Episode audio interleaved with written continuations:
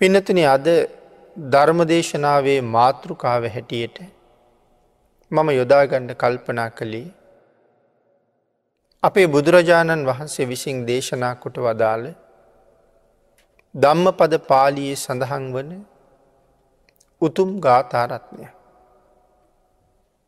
චිත්ත වර්ගයේ සඳහන් වෙන මේ ගාථාව දිසෝ දිසං යන්තන් කයිරා වේරී වාපන වේරී. මිච්චා පනිහිතං චිත්තං පාපියෝනං තතුව කරි. අපේ භාගිතුන් වහන්සේ මේ ගාථාරත්නය දේශනා කොට වදාලි අනාත පින්ඩික සිටිතුමාගේ ගවයු බලාගත්ත නන්ද කියන ගොපල්ලා මරණයට පත්වනාට පස්සේ ඒ කාරණාව මුල් කරගෙන භික්‍ෂූන් වහන්සේලා බුදුරජාණන් වහන්සේගෙන් අහපු පැනයකට පිළිතුරක් හැටියට. නන්ද කියල කියන්නේ ගොපල්ලික්. හැබැයි සඳහන් කරනවා ගොපල්ලික් වුණාට බොහොම දනවත් කෙනෙක් කියලා. තමන් බොහොම දනවත් වනත් තමන්ගේ රැකියාව එහෙම්බම කරගෙන ගිය. සිටිතුමාට බොහෝම ලෙංගතු සේවකයෙක්. මසකට හමාරකට සැරයක් නැත්තං අඩ මසකට වගේ සැරයක් පස්ගෝ රසය මාරගෙන හාම්පුතා බලන්න යනවා. ඔය යන අතරතුර භාගිතුන් වහස දකින්නත් යනවා. සිටිතුමාගේ ගෙදරදිත් මුණ ගැහෙනවා. විහාරයට ගිහිල්ලත් මුණ ගැහෙනවා. බොහෝම ශ්‍රද්ධාවෙන් බනත් අහනවා නන්දට එක දවසක් හිතුණා. බුදුරජාණන් වහන්සේ මගේ ගෙදරටත් වැඩම කරවලා දානයක් දෙන්න තිබුණොත් කොච්චර හොඳද කියලා. ඒ නිසා ආරාධනාවක් කලා ස්වාමීණී අපේ ගෙදරත් දානකට වඩින්ට කියලා. ආරාධනාව භාරගත්ත බුදුරජාණන් වහන්සේ. හැබැයි වඩින්නේ කවද්ද කියන කාරණාව සඳහන් කළේ නෑ. ඉති නන්ද බලාගෙන හිටිය මට දවසක් ලබා දෙයි කියලා. මෙහෙම කාලයක් ගෙවිල ගියා. නමුත් තාම නන්දගේ ආරාධනාවට දිනයක් නන්නේ. නමුත් බුදුරජාණන් වහන්සේ දන්නවා නන්දගේ ආරාධනාවට නන්දගේ ගෙදරට වඩින්න ඕනි කොයි කාලෙද කියලා. නන්ද බොහෝම ශ්‍රද්ධාවන්තයි. නමුත් තවම නන්දගේ ප්‍රඥාව මෝරලනේ. නන්දට උතුම් වූ අර්ථයක්ම කරන්නඩුවනි. එනම් භාගිතුන් වහස තාම දිනයක් නොදී බලාගෙනඉන්නේ නන්දගේ ප්‍රඥාවත් යම් පමණකට වැඩෙනක. බුදුරජාණන් වහන්සේ එක දවසක් භික්‍ෂූන් වහන්සේලත් එක ධර්ම චාරිකාව වැඩිය. ඒ වැඩලා ආපහු වඩින ගමන් නන්දගේ ගෙවල් පැත්තිෙන් වැඩිය. ඒ ආසන්නි තිබිච්ච වන ලැහැබක භාගිතුන් වහසේ විවේක ගත්තා. නන්දට ආරංචුනා බුදුරජාණන් වහන්සේ අපේ ගෙවල් ළඟටම වැඩල කියලා. නන්ද වහාම බුදුරජාණන් වහන්සේ වැඩඉන්න තැනට ආපහු ගියා. වන්දනා කරලා ටික වෙලාවක් සතුටු සාමීචයේ කතා බහ කරලා නන්ද ආයත් ආරාධනාව බුදුරජාණන් වහසට මතක් කළා. ස්වාමීනී හෙට මගේ දානි පිළිගණ්ඩ බැරිද කියලා. බුදුරජාණන් වහන්සේ හෙට දානට ගෙදරට වඩින්ට පොරුන්දුනා. නන්දට පුදූම සතුට. භාගිතුන් වහස වැඩඉන්න ප්‍රදේශය ඉඳල නන්දගේ ගෙදරට යනක. හරිට නිකං දිව්‍යමය මාවතක් වගේ මග දෙපස හරි ලස්සනට නන්ද සකස් කළා. නන්දගේ ගෙදර දිව්‍ය විමානයක් වගේ. නොයෙක් ආකාරයෙන් සරසලා. බුද්ධ ප්‍රමුඛ මහා සංගරත්නයට හෙට දානේ. මේ කතාවෙනුත් නන්දගේ ධනවත්කම ගැන ආපහු කියනවා. හෙට දානට ආරාධනා කරලා. බුදුරජාණන් වහන්සේ නිවස්ට වඩින මාර්ගයම මේ තරං අලංකාර විදිහට සරසලා. නිවසත් එහෙම්මම සරසලා. මේ දේවල්ලෝට සෑහෙන පිරිසක් ඕනේ. ඒ දේවල්ලෝට සෑහෙන ධනයක් ඕනේ. අපේ ගෙදරක හත්තට දහනමකට දානි දෙන්න ගියහම. අපි කී දවසකිඳල ලෑස්ති වෙනවද. කී දවසකිඳල සැරසිලි කරනවද. හෙට කියලා ආරාධනා කරලා මේ සියල්ලම හෙට වෙනකොට සම්පූර්ණ කරන්න නන්දට ලොකු බලයක් ශක්තියක් තිබුණ බව පේනවා. බුදුරජාණන් වහන්සේ නිසි වෙලාවට නන්දගේ ගෙදර දානට වැඩිය. එදා දානි පූජා කරලා නන්ද බුදුරජාණන් වහන්සේට මතක් කරනවා. ස්වාමීනී අද ඉඳල දවස් හතක්ම මගේ දානි පිළිගණ්ඩ කියලා. නන්දට අනුකම්පා කළා. ඒ ආරාධනාවත් භාරගත්තා. නන්ද එක දිගට හද්දවසක්ම දන්දුන්න. අවසාන දවසේ දානය වලඳලා බුදුරජාණන් වහන්සේ නන්දට ධර්ම දේශනා කළා. නන්ද ඇතුළු පිරිසට.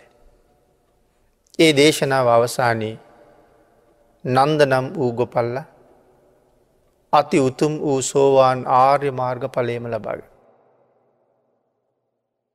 නන්ද මෙන්න මෙතෙන්ට පමුණුවන්ඩ සුදුසු කාලේ එනකං තමයි භාගිතුන් වහස බලාගෙන හිටිය. නන්ද සදහටම සතරපායෙන් නිදහස් වුණා. බුදුරජාණන් වහන්සේ භික්‍ෂූන් වහන්සේලත් සමඟ නන්දගේ ගෙදරින් පිටත් වුණා. භාගිතන් වහසගේ පාත්‍රා දහතුවත් අතේතියාගෙන නන්දත් පසු ගමන් කරනවා. නන්ද බොහෝදුර පිටි පස්සෙන් ආව. එක තැනකදි බුදුරජාණන් වහන්සේ නන්දට කතා කරලස් මතක් කරනවා නන්ද දැන් හුඟක් දුර ගෙවාගෙනාවා. දැන් ඉතින් ආපහු යන්න කියලා. බුදුරජාණන් වහන්සේට වන්දනා කරලා නන්ද ආපහු යන්ඩ පිටත් වුණා. ඒත් එක්කම කැලෑවෙන් ආපු ඊතලයක් නන්දගේ ශරීරයේ සිදුරු කරගෙනම ගියා. නන්ද එතනම මැරිල වැටුණ. භික්‍ෂූන් වහන්සේලා දැක්ක නන්ද මැරිල වැටෙනවා. භික්‍ෂූන් වහන්සලා බුදුරජාණන් වහන්සේට මතක් කලා ස්වාමීණී නන්ද මැරුණා. භාගිතුන් වහන්සේදා චාරිකාව නිමා කරලා ඒ ප්‍රදේශයේ නතර නොවී දිගටම වැඩියන නන්දගේ දානි භාරගණ්ඩ වෙන්නේ.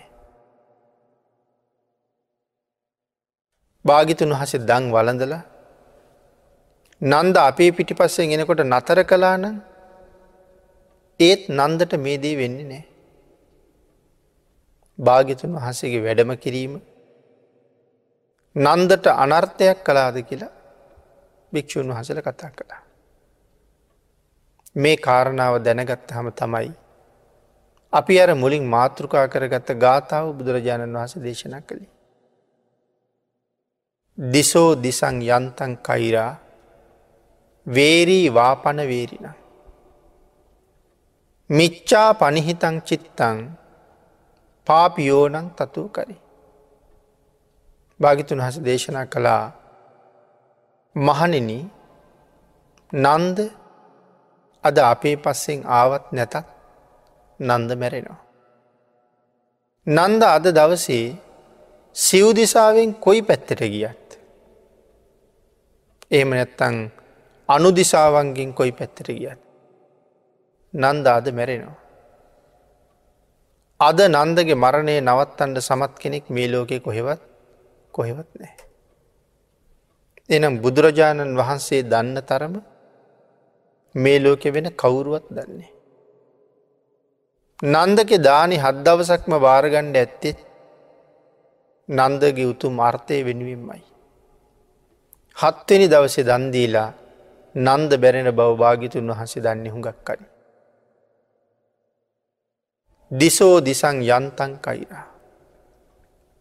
කාර්ද පින්නතින මේ දිසෝ කියල කියන්නේ. හොරෙකුට. දිසෝ දිසං යන්තන් කයිර. සාමාන්‍ය මිනිස්ව අතරත් අඩ දබර ඇතියෙනවා. සාමාන්‍ය මිනිස්ව අතරත් ගහමරා ගැනීම ඇතියෙනවා. සාමාන්‍ය මිනිස්ව අතර පලි ගැනීම ඇතියෙනවා.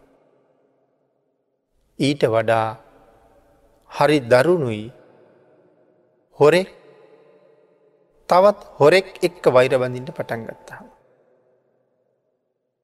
සිංහයේ මුවෙක් අල්ලන්ඩ කුළු හරකෙක් අල්ලන්ඩ යනකොට ඒ සිංහයාට එතන කිසි සටනක් නෑ. ඒ සතා නිකම්ම යටත්. කොටියෙක් මුවෙක් ගෝනෙක් කුළු හරකෙක් අල්ලගණ්ඩ යනකොට ඔහුටත් ලොකු සටනක් නෑ. ඒ සත්තු හැම කෙනෙක්ම සිංහයාගේ කොටියගේ ගොදුරක් වෙනවා. හොරෙක් අපේ ගෙදරට අවුත් අපේ ගෙදර බඩු ටික පැහැර ගණ්ඩ හොරාට ලොකු අපහසුවක් නෑ. ආයු දෙයක් වගේ දෙයක් පෙන්නලත් අපි බය කරන්න පුළුවන්. සෙල්ලං කරන්න හදාපුතුවක්වක් පෙන්නල අපි බය කරන්න පුළුවන්. ඉතාම පහසුවෙන් අපේ බඩුමුට්ටු ටික අරගෙනයන්නත් එයට පුළුවන්. නමුත් තමන් හා සමාන මහා බලවත් හොරෙකුගේ ගෙදර ගිහිල්ලත් එහෙම පහසුවෙන් බඩු ගන්න පුළුවන් වෙයිද කවදාවත් වෙන්නේ. ඒ නිසා සිංහයෙක් සිංහෙක් ගැටුමකට අවතීරණ වුණොත් ඒක හරි බිහිසුනුයි. ඇතෙක් ඇතෙක් එක්ක පොරබදන්ඩ පටන්ගත්තොත් ඒකත් බිහිසුනුයි. හොරෙක් හොරෙක් එක්ක පැටලුනොත් ඒකත් බිහිසුනි. අන්න ඒකයි දේශනා කළේ දිසෝ දිසං යන්තන් කයිරා. වේරී වාපන වේරිනම්. වෛරක් කාරයෙක් වෛරක්කාරයෙක් එක ගැටෙනකොට එතන තියෙන්නෙත් මහ බිහිසුණු ගැටුම. දෙන්නම තරහකාර. භාගිතුන් වහසේ ආං එහෙම දේශනා කරලා ඊළඟට දේශනා කළා මිච්චාපනී හිතං චිත්තන්. පාපියෝනං තතෝකරි. හොරෙක් හොරෙක් එක්ක ගැටෙනවට වඩා. වෛරක්කාරයෙක් වෛරක්කාරයෙක් එක ගැටෙනවට වඩා. පාපයේ පිහිටෝපු හිත. දස අකුසලේ පිහිටෝපු හිත අපිට ලොකු අනර්ථයක් කරනවා කියලා. මේ ගාථාව භාගිතුන් වහස දේශනා කරලා ගාථාව විස්තර කරලා පැහැදිලි කළා. එන අවසානි සඳහන් කළේ දස අකුසල කර්ම පතේ අරට වඩා හරි භයානකයි කියලා. පිනතින මෙහෙම හිතුව. අපිත් එක්ක කවුරු හරි අමනාපයි දිගින් දිගටම අපිට කරදර කරනවා. නිතරම අපෙන් පලිගණ්ඩ උත්සාහ කරනවා. ඔහු අපිට කළොත් ලොකුම අපරාධයක් කරන්න තියෙන ලොකුම අපරාධි තමයි මරලදානක. එයින් එහාටත් යමක් කරන්න පුළු හන්දේ පුද්ගලයට. එයින් එහාට කිසි දෙයක් කරන්න බෑ. නමුත් අපේ හිත පහත් තත්ත්වයට පත් කර ගත්තු. පාපයට යොමු කර ගත්තු. අපි මරල දාලා විතරක් නතර වෙයිද. අපිට කරදර කරලා විතරක් නතර වෙයිද. හොරෙක් ඇවිල්ල අපි මරලදායි එහෙම නැත්තං ස්වභාවයම අපි මැරිලේයි. අර පාපයට යොමු කරගත්ත හිත මොකද කරන්නේ. මම අපායට මරං යනවා. එක්කො නිරේට ගෙනියනවා නැත්තං තිරිසං ලෝකට ගෙනියනවා. එහෙම නැත්තං ප්‍රේත ලෝකට අරං යනවා එහෙමත් නැත්තං අසුරු ලෝකට අරං යනවා. දැඟර හොරාට ඒ වැඩේ කරන්න පුළුහන්ද හොරාට පුළුවන් මං මරන්ඩ විතරයි. නමුත් මේ පාපයට යොදාගත්ත හිත මං සතරාපායට අරංගිහිල්ලා අවුරුදු කෝටි ප්‍රකෝටි ගණන් දුක් දෙන්න මේ හිතට පුළුවන්. එහෙනම් හොරාට වෛරක්කාරයට වඩා හිත නපුරු නැද්ද. වැරදියට පිහිටව ගත්ත හිත ඊට වඩා හරි භයානකයි කියල මේ සඳහන් කළේ. දසාකුසල කර්මපත මොනවද මේ දසා කුසල් කියල කියන්නේ. කයින් කරන වැරදි තුනක් තියෙනවා. වචනයෙන් කරන වැරදි හතරක් තියෙනවා. හිතින් කරන වැරදි තුනක් තියෙනවා. කයෙන් වැරදි තුනයි වචනයෙන් වැරදි හතරයි එතකොට හතයි හිතින් වැරදි තුනයි දහයයි. ඒවට කියෙන දසා කුසල් කියලා. මොනෝද කයින් කරන්න පුළුවන් වැරදි. සත්තු මරන්න පුළුවන්. හොරකං කරන්න පුළුවන්. වැරදිකාම සේවනයට යන්න පුළුවන්. මේ තමයි කයින් කරන වැරදි. අපේ බුදුරජාණන් වහන්සේ ලෝක සත්වයාට අනන්ත අනු කම්පා කළා. භාගිතුන් වහන්සේ අපිට දේශනා කළා මේ ලෝක ජීවත්වෙන අය දවසක අනිවාරයෙන් මැරෙනවා. ඒ අපි හැමෝම හොඳටම දන්නවා. ඔබත් දවසක මැරෙනවා මමත් දවසක මැරෙනවා. අපි අද මළගෙවල්ලෝටත් සහභාගි වෙනවා. ඒ මළගෙවල් වල යම්සේ කටයුතු කරනවද මං වෙනුවෙනු දවසක එහෙම කටයුතු කරනවාමයි. ආදාහන කටයුතු ඉවරෙල්ලා දවස් කීපයක් යැනකොට හත් දවසින් දානයක් දෙනවා. ඊට කලින් බණකුත් කියනවා. එනම් ඔබ වෙනුවෙනුත් මම වෙනුවෙනුත් හත් දවස බණකුත්තියි හත් දවස දානිකුත්තියි. ඒ කියන එහෙනම් මේ ලෝකින් අපි ඔක්කොම දවසක මැරෙන බව නියතයි. හැබැයි බුදු දහමට අනුව මැරුණ කෙනා ආපහු උපදින බවත් සත්‍යයයි. එතකොට මේ ලෝකෙ මිනිහෙක් හැටියට ඉඳලා මැරුණහම්. ආය උපදින බව සත්‍යයයි හැබැයි කොහෙද උපදින්නේ. ඒ අපි කවුරුවත් දන්නේ දන්නේ නෑ. උපදින තැන දන්නේ නෑ. නමුත් බුදුරජාණන් වහන්සේ අපිට පැහැදිලි කළා. මැරිච්ච කෙනා නැවත කොහෙද උපදින්න කියල තීරණය කරන්න මේ ලෝකෙ කවුරු විසින්ද කියලා. හැබෑවටම අපි උපදින තැන. ආපහු තීරණය කරන වෙන කවුරුවත් සර්ව බලධහරී පුද්ගලයෙක්කින්නවාද. එහෙම කෙනෙක් නෑ. එන කෞුද අපි උපදින තැන තීරණය කරන්නේ. ජීවත් වෙන කාලි අපි විසින් ආරක්ෂා කරගත්ත සීලය. සීලය තමයි සත්වයා උපදින තැන තීරණය කරන්නේ. එහමනම් මේ උතුම් සිල් අපි හැමෝගම ළඟ තියෙන්ට ඕනෙ නැද්ද. සුගතියක උපදින්ට බලාපොරොත්තු වෙනවනං තියෙන්ට ඕනේ. දුගතියක උපදෙන්ට බලාපොරොත්තුවක් කල්පනාවක් කැමැත්තක් තියෙනවන අපි ඉන්න විදිහ බොහොම හොඳයි. දුගතියට නොයන්ඩන සීලේක පිහිටන්ඩම වෙනවා. සීලයේ පිහිටන්න කියල සඳහන් කරහම මොන සීලයේ පිහිටනවද. පන්සිල් තියෙනවා. අටසිල් තියෙනවා. නවාංගුපෝසත සිල් තියෙනවා. ආජීවාෂ්ටමක සීලේ තියෙනවා. දස සීලයේ තියෙනවා. සාමනේර ස්වාමීන් වහන්සේලා ආරක්ෂා කරන සාමනේර දස සීලේ තියෙනවා.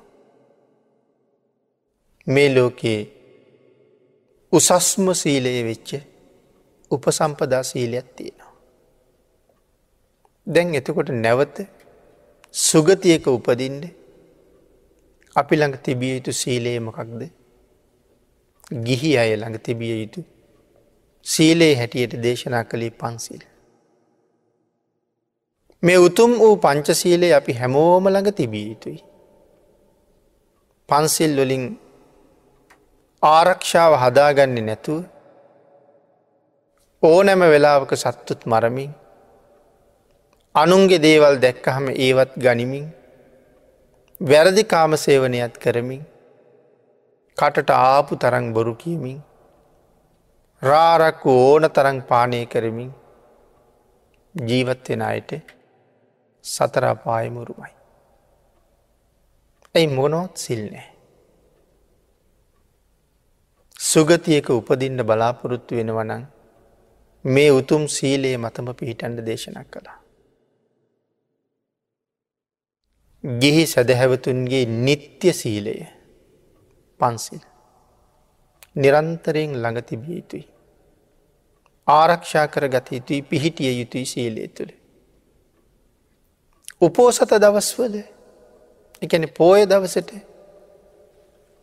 පන්සෙල් වලට වඩා උසස් වන තවත් උතුම් සීලයක් ආරක්ෂා කරන එක හරි වටිනවා.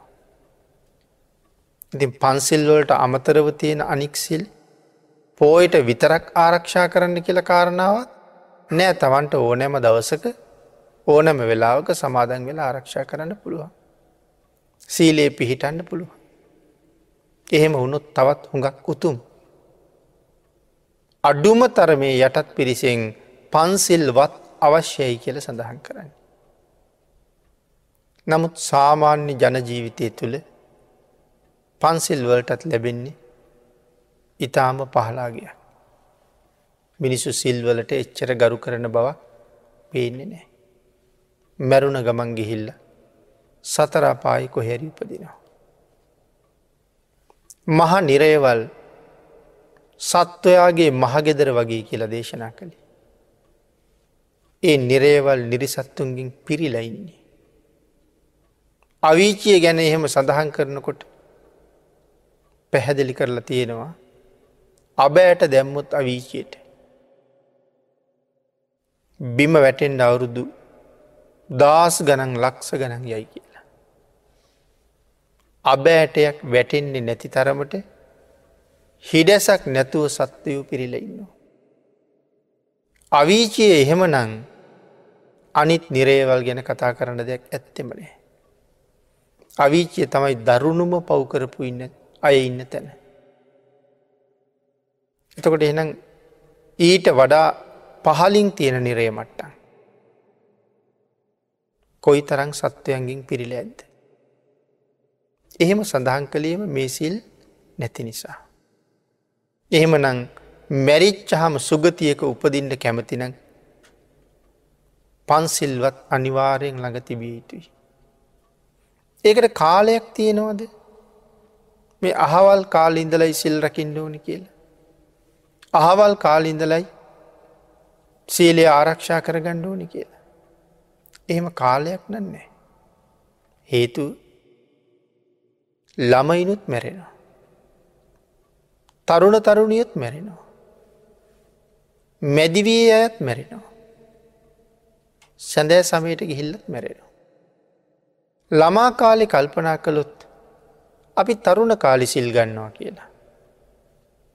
එතකොට තරුණ වෙන්ඩ ඉස්සරල මැරුණු කෞදාරක්ෂාවාදයි. තරුණ කාලි හිතනවා මැදිවියට ගිහිල්ල සිල් ගන්නවා කියලා. මැදිවියට නොයා මැරුණුත් මැදිවී අය හිතනවා අපිට තව සිල් ගන්න කල්තියෙනවා කියලා. ඉතින් ඒ කාලයෙන්ට ඉස්සරල මැරුණොත් තමයි ප්‍රශ්නිතිය. ස්තේරවම මං සැදෑ සමය දක්වා ඉන්නව කියලා කියන්න පුළුවන් කෙනෙ. සාමාන්‍ය සත්වය අතරනේ. අභිග්ඥාලාබියකුට නං තමන්ගේ ආවිෂයේ මැරණ දවස දැනගණ්ඩ පුළුව. අපි කාටවත් බෑ. අද උදේ මගට බහින කෙනා හවස ගෙදරෙයි කියල කාටද කියන්න පුළුවන්. මගතොට අනතුරුම කොච්චර තියෙනවද. අනිත් එක තමයි පින්නතින ගෙදර හිටියත්. මගේ මැරෙන දවස අදනං මව බේරන්න කාටවත් බෑ. ඒකන නන්දගේ කතාවින් සඳහන් කළි. අපි සමහර වෙලාවට කියනවා. මං ඔය ළමයට ඔය ගමන යන් දෙපා කියලා කොච්චර කීවද. මං කියපු දේ අහලා ගෙදර හිටිය නං මේ විපතාද නෑනෙ කියල කියලා අඩනවා. නමුත් භාගිතුන් වහස දේශනා කළේ නන්දාද ගෙදර හිටිය සිව් දිසාවෙන් කොහැට ගියත් අනුදිසාවෙන් කොහෙට ගියත් නන්දාද මැරෙන එක නවත් අන්න කාටවත් බෑ. අද නන්දගේ මැරෙන දවස.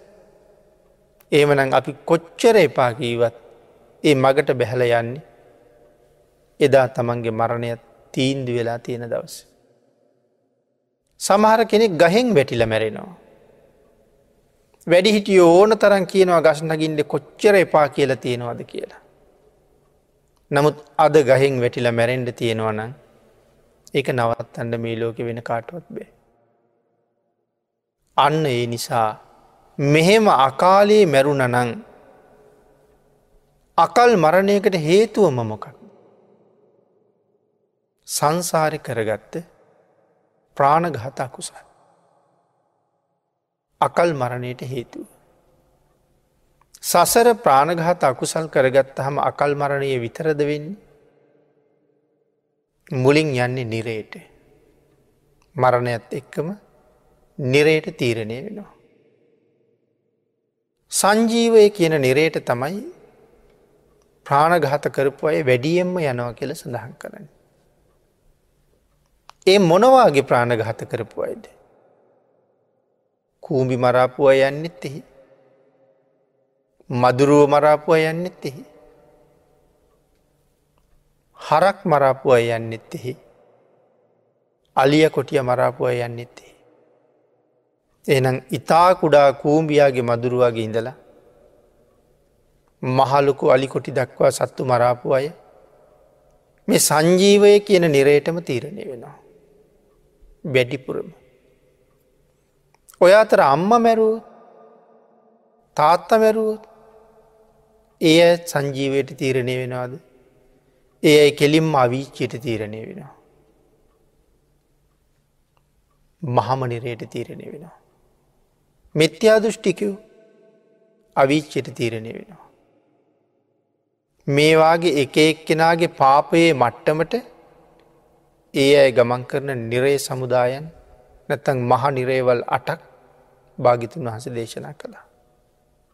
එන ප්‍රාණගහත කරලා සාමාන්‍යයෙන් සංජීව කියන නිරේට තමයි ගමන් කරන්න. සංජීවයේ ආවිෂ කොච්චරද ධර්ම දේශනාවල නං බොහෝම සඳහන් කරලා තියෙනවයි ගැන. චාතුම් මහා රාජික දෙවියෙකුගේ ආයුෂය අපේ අවුරුදුවලින් මනුස් අවුරුදුවලින් ගණන් හැදුවොත් අවුරුදු ලක්ෂ අනුවයි චාතුර් මහරාජික දෙවියෙකුගේ ආවිෂ අවුරුදු ලක්ෂ අනුවයි. මේ ලක්ෂ අනුව සංජීවයට එක දවසයි. අපට දවසකට පැවිසි හතරයි. සංජීවේ දවසකට දෙවියන්ගේ ආවිෂයෙන් අවුරුදු එමනතන් දෙවියන්ගේ මුළු ආයු කාලය සංජීවයට එක දවසයි. ලක්ෂ අනුවේ ව්වත් තුන්සිය හැටක් සංජීවයට අවුරුද්ධයි. එවන් අවුරුදු පන්සීයක් සංජීවයට ආවිෂය. සංජීවී දුකේ නිමක් සීමාවක් නෑ. බුරබුරාද නැගෙන ගිනි දැල් මැද්දේ අනන්ත දුක්විදිින්ට වනේ. යමපල්ලු ගහනෝ හෙල්ලවල්ලොලින් අනිනෝ උපකරන ගෙනත් කපනෝ මෙ නොඒ කාකාරී දුක්තියනවා. එතකොට පින්නතින හිතන්ඩකු මේ තරං දීර්ඝ ආවශ්‍යතියන නිරයක එච්චර දුක්විඳින්ට නං මදුරුවෙක් මරන්ඩ ඕනෙද කියලා. මදුරුවා මැරුව කියල ඉවරයක් තියෙනවද. එකෙක් මරහම ජීවිත කාලිම මදුරුව කන්න ඇත්තන් කමක් නෑ. නමුත් එකෙක් මරලා ඉවරෙනකට තව එකෙක් කනවනේ. ඒක මරල ඉවරෙනට තව එකෙක් වහනවන්නේ. එනම් මදුරුව කණයගේ ඉවරෙකුත් ඉවරෙකුත් නෑ. අඥ්ඥාන සත්‍යයා මරණ එක ඉවරෙකුත් නෑ. අන්න ඒ නිසා භාගිතුන් වහස දේශනා කළේ ප්‍රාණඝාතයෙන් වලකින්න කියලා. අපි සමහර වෙලාවට සමාජි කතා කරනවා බුද්ධහගමට විනකරන අය බොහොම ඉන්නවා කියලා. බුදු දහම නැති කරන්න බුදු දහම විනාශ කරන්න නොෙක් උපක්‍රම යොදනාය බොහොම ඉන්නවා කියලා. එහෙම අයත් ඉන්නවා. නමුත් ඒ අයට බුද්ධාගම විනාශ කරන්න පුළුවන්ද. ඒ කාටවත් මේ දහම විනාශ කරන්න බෑ. නමුත් මේ දහම විනාශ කරන්න පුළුවන් කාටද. ඒ දහම විනාශ කරන්න පුළුවන් අපටමයි. ලංකාවවාගේ රටවල් බෞද්ධ රටවල් කියලන අපි කියන. එහෙමනම් බෞද්ධ රටක තියෙන් ඕන මොන ප්‍රතිපත්තිද බෞද්ධ ප්‍රතිපත්ති. පිනතන හිතල බලන්ඩකු අපි ගාව තියෙන බෞද්ධ ප්‍රතිපත්තිම නොද කියලා. බුදුරජාණන් වහන්සේ දේශනා කළේ ප්‍රාණගහත කරන්න එපානං ප්‍රාණගහතයෙන් වැලකෙන්ඩ වැලකෙන්ඩ මොනවද ලැබෙන්නේ දීර්ඝායුෂය. ප්‍රාණගහතයෙන් වැලකෙන්ඩ වැලකෙන්ඩ දීර්ඝායුෂ ලැබෙන. අපේ කෙනෙක් අකාලෙ මැරිලා. අපි කියමු දරුවෙක් මැරිලා. අපි බොහෝම පින්කං කර කර පින් අනුමෝදන් කරනවා. නැවත කවදාවත් මෙවන් අකල් අවාසනාවන්ත මරණ තත්ත්වයක් ඇති නොවේවා කිය කිය අපි ප්‍රාර්ථනා කරනවා. ඒ ප්‍රාර්ථනාවෙන් පුළුවන් වෙයිද අපේ ඥාතිය අකල් මරණයෙන් බේරැන්ට. ඔහු සංසාරි කරගත්ත කරුම ඔහුට අනිවාරයෙන් විපාක දෙනවා. නමුත් යම් ප්‍රමාණයක හෝ අස්වැසිල්ලක් ලබල දෙන්නන. අපි ප්‍රාණගහතයෙන් වැලකිලා ඒ පින අනුමෝදන් කරන්න පුළුවන් වුණොත් ලොකු ශක්තියක් ලැබෙන්න පුළුවන්. අම්ම කෙනෙකුට තාත්ත කෙනෙකුට හිත හැකි මගේ පුතා මැරුණ දවස ඉඳලා. අවුරුදු පහක් කීමු මේ අවුරුදු පහේ මම කූබියෙක්වත් මැරුවේ නෑ. එනම් කිසිම ප්‍රාණගහතයක් නොකර අවුරුදු පහක් ආරක්ෂා කරගත්ත ඒ සීලයේ ආනුභාවයෙන් නැවත කවදාවත් මගේ දරුවට මෙවන් අකල් මරණයක් වෙන්ඩෙපා කියලා ආශිර්වාද කළුත් පින්දුන්න ආං ඒ කුසලයට ලොකු ශක්තියක් තියෙනවා ඔහු අකල් මරණයෙන් මුදුවන්ට. ඉති මේ විදිහට භාගිතුන් වහස මේ හැම කරුණක් ගැනම ඉතාම ගැඹුරට දේශනා කළා. හොරකමත් එහෙමයි. අපේ දේවලුත් මිනිස්සු හොරකං කරනවා. ඇයි මිනිස්සු අපේව හොරකං කරන්නේ පෙර අපි අනුන්ගේ දේවල් හොරකං කරලා තියෙන හින්දා. අපි අනුන්ගේ දේවල් කවදාවත් හොරකං කරලා නැත්තං අපේ දේවල් මහ පාරිදාලා ගියත් කවුරුවත් හොරෙන් ගන්නේ නෑ. කාටවත් ගණ්ඩ හිතෙන්නේ නෑ. හම්බුණොත් හොයාගෙන විල්ල දීල යන. ඉතාම කලාතුරකින් එහෙම අවස්ථා මේ සමාජ අපි අහනවා දකින. එන්න තමන්ගේ දේවල් කවුරුවත් හොරාගන්නවට අකමැතිනං ඒකට හදන හොඳ මාරක්ෂාව තමයි අපි කාගෙවත් දේවල් හොරකන්න කරන. තමන්ගේ කාමවස්තු කවුරුවත් පරිහරණය කරනවට අකමැතිනං අපි අනුන්ගේ කාමවස්තු පරිහරණය කරන එකින් ඇත්වෙන එකයි කරන්නඩුව. මේ ආදී වශයෙන් අපි රවට්ටනවට අපි කවදාවත් කැමති නැත්තං බොරු කියලා අනුන්ව නොරවට්ටන එකමයි අපි කරන්නඩුව. සංසාරී උම්මත්තකය නොවෙන්ඩෙන මන්ද බුද්ධික නොවෙන්ඩෙන මන්දගාමී නොවෙන්ඩෙන අපි කළ යුත්තේ සුරාපානයෙන් ඈත්තෙන එකමයි. මතු භවයක මිනිසත් බවක් ලැබුණත් උම්මත්තකෙක් වුණාට කමක් නෑ වගේ කියල හිතෙනවන රාරක්කු බීවට කමක් නෑ. මන්ද බුද්ධිකයෙක් වුණාට කමක් නෑ කියල හිතෙනවන ඇති තරං බීගෙන ගියට කමක් නෑ. නමුත් මතු දවසක මීට වඩා හොඳ උපතක් ලබාගෙන බොහොම කුසල් කරලා භයානක සංසාරයෙන් එතර යන්ට හිතනවන්නන්. එවන් දේවල් ජීවිතයෙන් සදහටම ඇත් කරන්න ඕන. ඊළඟට පින්නතිනි සිල් රකිනව සිල් රකිනව කියල. මේ ලෝක අපි කතා කලාට අපි සිල් ආරක්ෂා කරන්න දක්වන්න ඉතාම අඩූ නන්දුව. අපි මේ ලෝකෙ රකින දේවල් තව කොච්චර තියෙනවද. රංරිදී මුතු මැනික් ආරක්ෂා කරනවා. ගෙවල් දොරවල් යානවාහන ඉඩකඩන් ආරක්ෂා කරනවා. දරුව මල්ලු ආදී පණ ඇති වස්තුූන් ආරක්ෂා කරනවා. පණ ඇති පණ නැති. මේ ආරක්ෂා කරන වස්තුවක් යම් ආකාරයකින් විනාසයට පත්වනොත් සුළු හෝ පළුද්දක් දැක්කොත් අපිට කොච්චර දුකක් ඇති වෙනවා. අපි හිතම අලුතෙන් මාරගත්ත වාහනය කටුවත්තක වැදිල සීරුණා. නැතම් බිත්තියක ටිකක් ගෑවිලා සීරුණා. වෙන වාහනයක ගෑවිලා සීරුණා. කොච්චර දුකක් දැන නොද කියලා හිතන්ට. සමහරලාට අන්‍ය අයත් එක්ක රණ්ඩු කරගන්නවා ඒ කාරණාවට. ගහගණ්ඩත් යනවා ඒ කාරණාව. වහාම හෙටම ගිහිල්ලා ආපහු සීරිච්ච තැන පිළියන් කරගන්න. ඒවා ගැනිත් දේවල් ගැනත් හිතන්ඩ. ඒ දේවල් වලට එච්චර කැමැත්තෙන් එහෙම කලාට අපි ආරක්ෂා කරන සීලයේ පළුදුවෙන තරන්නම් සීමාවක් නෑ. හැබැයි සිල් පළුදුනාද කියලා දන්නේවත් නෑ. අර යකඩ ගොඩවල් රකිින්ට තරං තියෙන වුවමනාව සසර මම සුගතිය උපද්ද වන සීලේ රකිින්ට අපිට වුවමනාවක් ඇත්තෙම නෑ. මොනම හේතුවක් හරි අද හේතුවක් නිසා හරි අද සිල්පදේ ටිකක් පළුදුනා කියලා දුක හිතුනාය කීයෙන් කී දෙනා දින්නේ. වෙනත් කෙනෙක් අහිමි වෙච්චහම දවස් දෙකේ තුනේ නොකායින්නවා. නමුත් සිල්පදයට හානි වුනානි අවුරදු ගානක් රැකපු එක කියලා. එහෙම කිසිම දැනීමක් අපිට අපිට නෑ.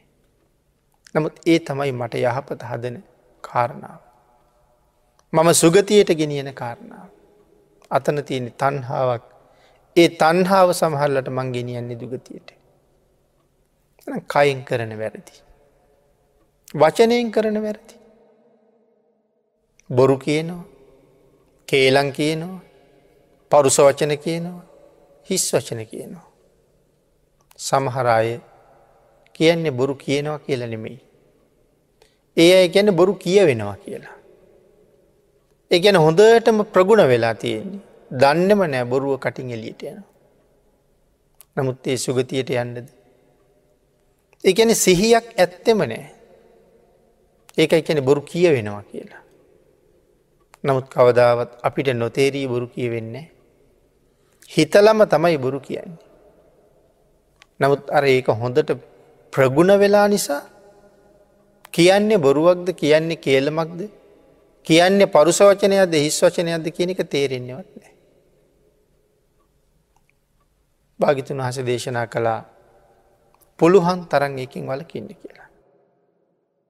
හිතින් කරන අකුසල් අවිද්‍යා ව්‍යාපාද මිත්‍යා දෘෂ්ටි. මොනවද මේ අවිද්‍යා කියල කියන්නේ. දැඩි ලෝභය. සාමාන්‍ය අපි හැමෝම ගාව ලෝභකංතියනවා. ඒ මම හොයාගත්ත සල්ලි වියදැන් කරන්න. මගේ ඉඩ කඩන් තව කෙනෙකුට දෙන්න. මගේ ඉඩමින් කොටසක් පාරක් හදන එකට දෙන්නේ. මේ වගේ අපේ සාමාන්‍ය භෞතික සම්පත් පිළිබඳව අපිට ලෝභකමක් ලෝභකමක් තියෙනවා. ඒක පෘතජ්ජන සත්වයාගේ හැටි. මේ අවිද්‍යා කියලකිව ඒකට නෙමෙයි. අන්සතු වස්තුව පිළිබඳව තියෙන ලෝභක. අහවලාගේ ඉඩමත් මට තිබ්බන. අහවල්ලාගේ වාහනය අපට අයිති වුණාන මේවාගේ හිතන්ඩ ක්‍රම ඕන තරන්තියෙන. සමහරට බලාගෙන ඉන්නවා මෙයා මැරුණොත් නම් මේටික මට. එහෙම හිතන ඇත්තින්නවා. අනුන්ගේ සල්ලි මිලමුදල් දේපල ඒ සඳහා තියෙන ලිය කියවිලි සමහරලාට පරිස්සමට අපි ගාව තියල තියෙනවා. එදා ඉඳල ඔහු කල්පනා කරන්න පුළුවන් මේ මිනිහ මහපාරි හරි හැප්පිලා මැරුණොත් ඒ දන සම්පත් ඔක්කොම මටයි අයිති කියලා. ඒ තොරතුරු අනන් නිතා ඔක්කො මංගාවන්තිී. ආං ඒවාගේ දේවල්ලෝට කියෙන අභිද්‍ය අන් සතු වස්තුවට කරන ලෝභකම. ව්‍යාපාදය කියන දවේශ සහිත සිත. මිත්‍යා දෘෂ්ටි කියල කියන ධර්මයෙන් පිට දේවල් ධර්මය යැයි කල්පනා කිරීම. තුනුරුවන්ට විරුද්ධ වෙන එක. වැරදි ආකල්පොල කටයුතු කරන එක. මෙන්න මේ අකුසල් දහය යම් කෙනෙක් ළඟ තියෙනවනං ඔහු ඉතාම අනතුරුදායක පුද්ගලේ. ඕගින් අපිට අනතුරක් නෙමෙයි. ඒ හැසිරීම ඔහුට අනතුරුදායකයි. මැරුණ ගමම්ම සතර අපාය උපද්දවන්ඩ ඒ කාන්තයම හේතුවෙන කරු.